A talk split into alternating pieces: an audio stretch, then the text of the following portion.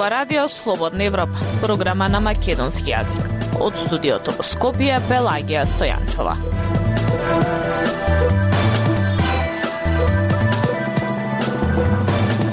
Во денешната емисија на Радио Слободна Европа објавуваме црна кампања за пасивизирање на неопределените гласачи и намалување на излезноста.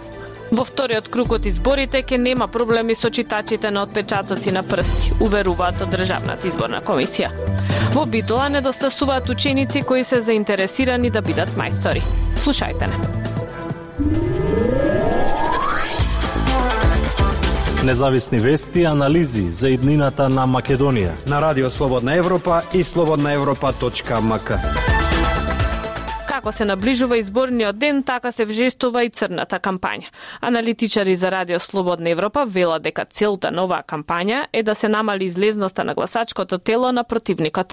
Власта објавува дека кандидатката за градоначалник на град Скопје лаже дека нема бугарско државјанство. ВМРО ДПМН пак обвинува дека има параполициски структури кои одработуваат за владеачката партија. Има и обвинувања за подкуп и населство.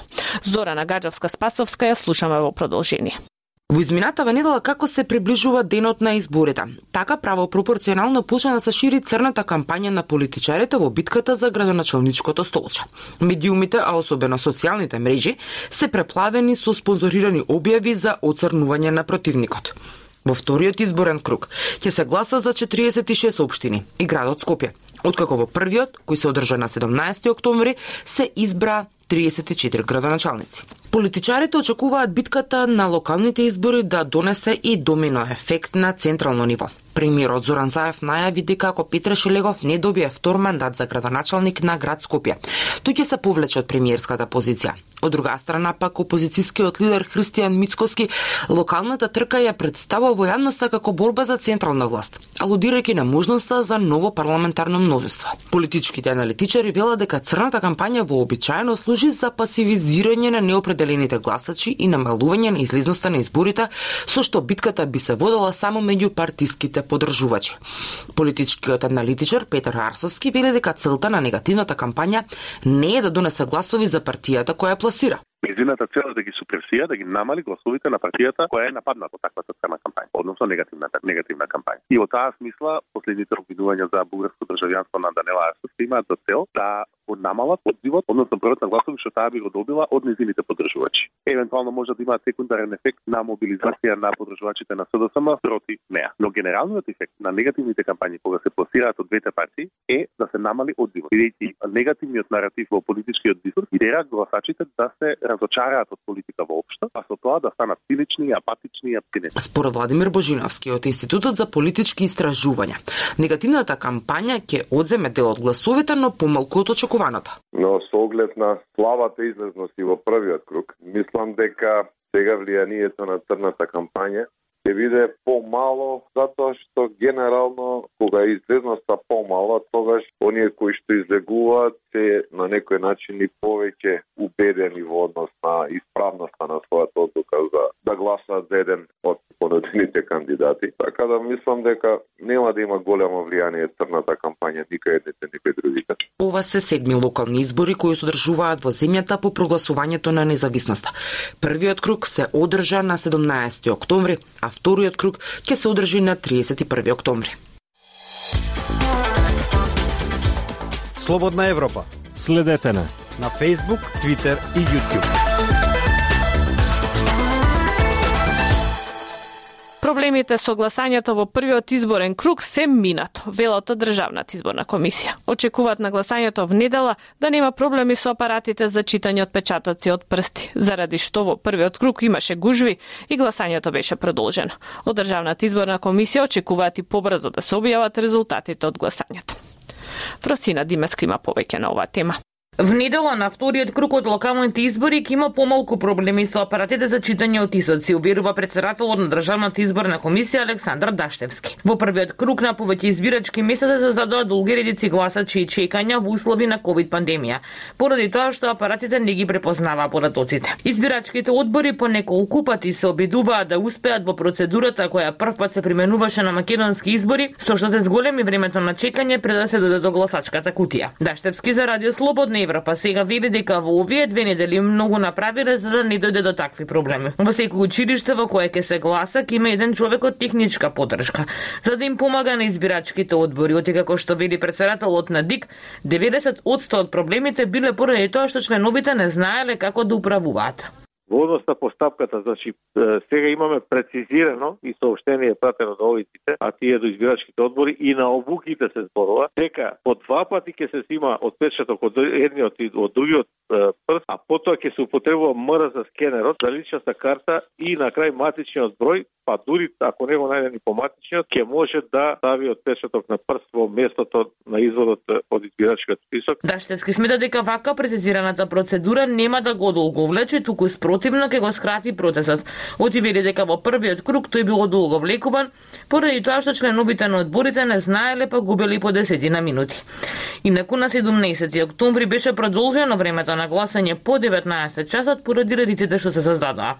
Првично тогаш од Државната изборна комисија посочија дека проблемот бил поради тоа што дел од примероците од отпечатоци и од прсти што ги добиле од Министерството за внатрешни работи не биле целосно читливи. Од МВР пак тврдеа дека примероците ги исполнуваат минималните стандарди. Подоцна проблеми се јави и при објавувањето на избраните гласови во некои избирачки места. Така, на пример, неколку дена до на резултатите од три избирачки места во општина Центар.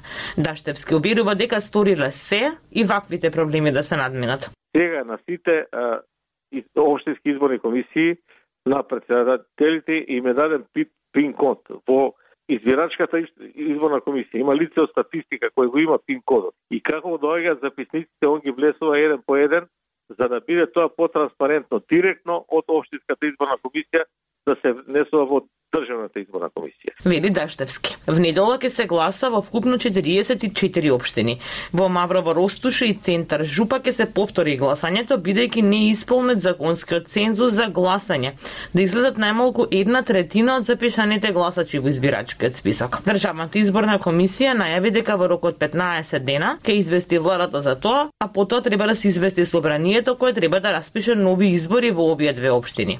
На локалните избори се одржа на 17 октомври 2021 година, градоначалници во првиот круг беа избрани во вкупно 32 општини. Радио Слободна Европа, светот на Македонија. Има училиште каде може да се образуваат. Фирми се заинтересирани да им понудат работа, но учениците во Битола ретко се одлучуваат да учат занает. Повеќе сакаат да одат во гимназија или во средното медицинско школо. Годинава тригодишното образование се стипендира од Министерството за образование и наука и секој ученик добива по 3500 денари месечно.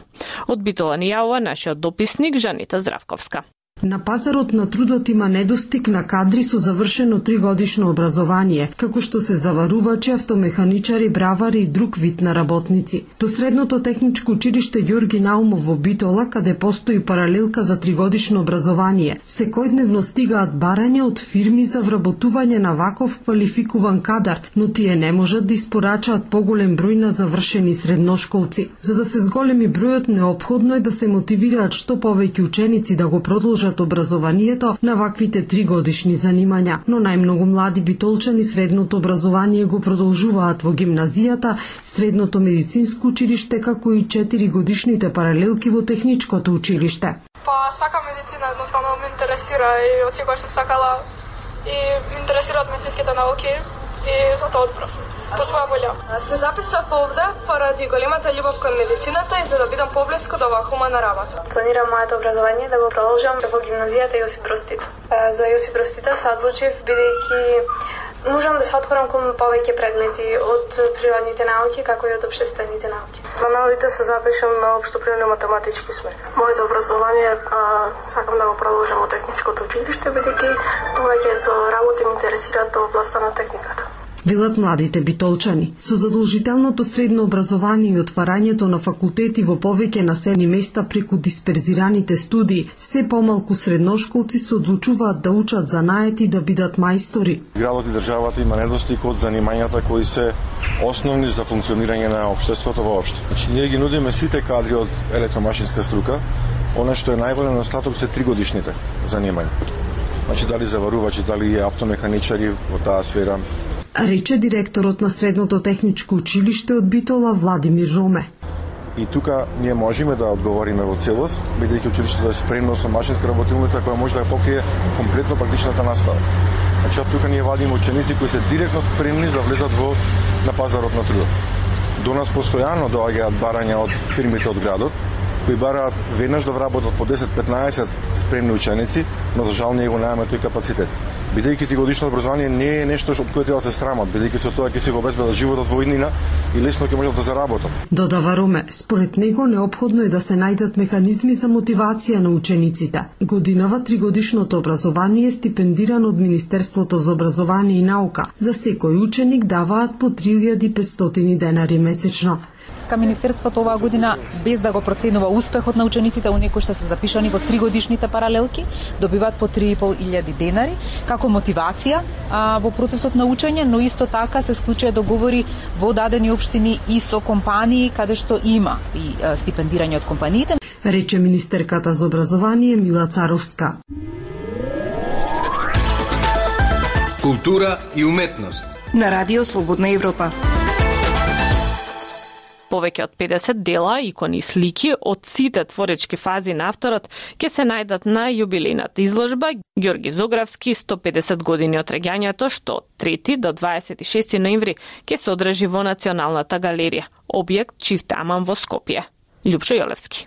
Во Национална галерија уште еден исклучителен проект во низата што ја чинат на пример изложбата посветена на 150 годишнината од раѓањето на Димитар Андонов Папрадишки во 2010 година и потем македонско профано сликарство од 19 век и почетокот на 20 век, одржана три години подоцна. Имено од 3 до 26 ноември во објектот Чифт Аман во Скопје ќе биде поставена јубилејната изложба Ѓорѓи Зографски 150 години од раѓањето. На неа публиката ќе има можност да види повеќе од 50 дела, икони и слики од сите творечки фази на авторот, грижливо селектирани од колекциите на нашата национална установа, Народен музеј Велес, црквите Свети Пантелеймон, Свети Спас, Свети Димитрија и Успение Богородичино од Велес, семејството Зографски, како и голем дел од приватните колекции. Поставката како куратори ја подпишуваат Славица Алексовска и Маја Неделковска Брзанова. Тие во своето обраќање до јавноста ќе забележат дека меѓу зоографите сликари што имаат значаен придонес за развој развојот на македонската ликовна уметност во втората половина на 19 и почетокот на 20 век е Ѓорѓи Зографски, последниот зограф од семејството Рензовци, кој заедно со Димитар Андонов Папрадишки за прв пат кон крајот на 19 век го направи историскиот пресврт поврзувајќи ги двете епохи во македонското сликарство. Последните нишки во религиозното сликарство со првите обиди за сликање профани теми. Тоа е период обележан со напуштање на поствизантискиот иконопис и живопис во интернет интерес на скромната појава на модернизмот во македонското сликарство. Понатамо во текстот тие пишуваат. Во целокупната творечка активност на Ѓорѓи Зографски, црковното сликарство, особено иконописот е негова главна преокупација во која се наоѓал себе си, а истовремено наоѓал и сигурен извор за екзистенција на неговото семејство.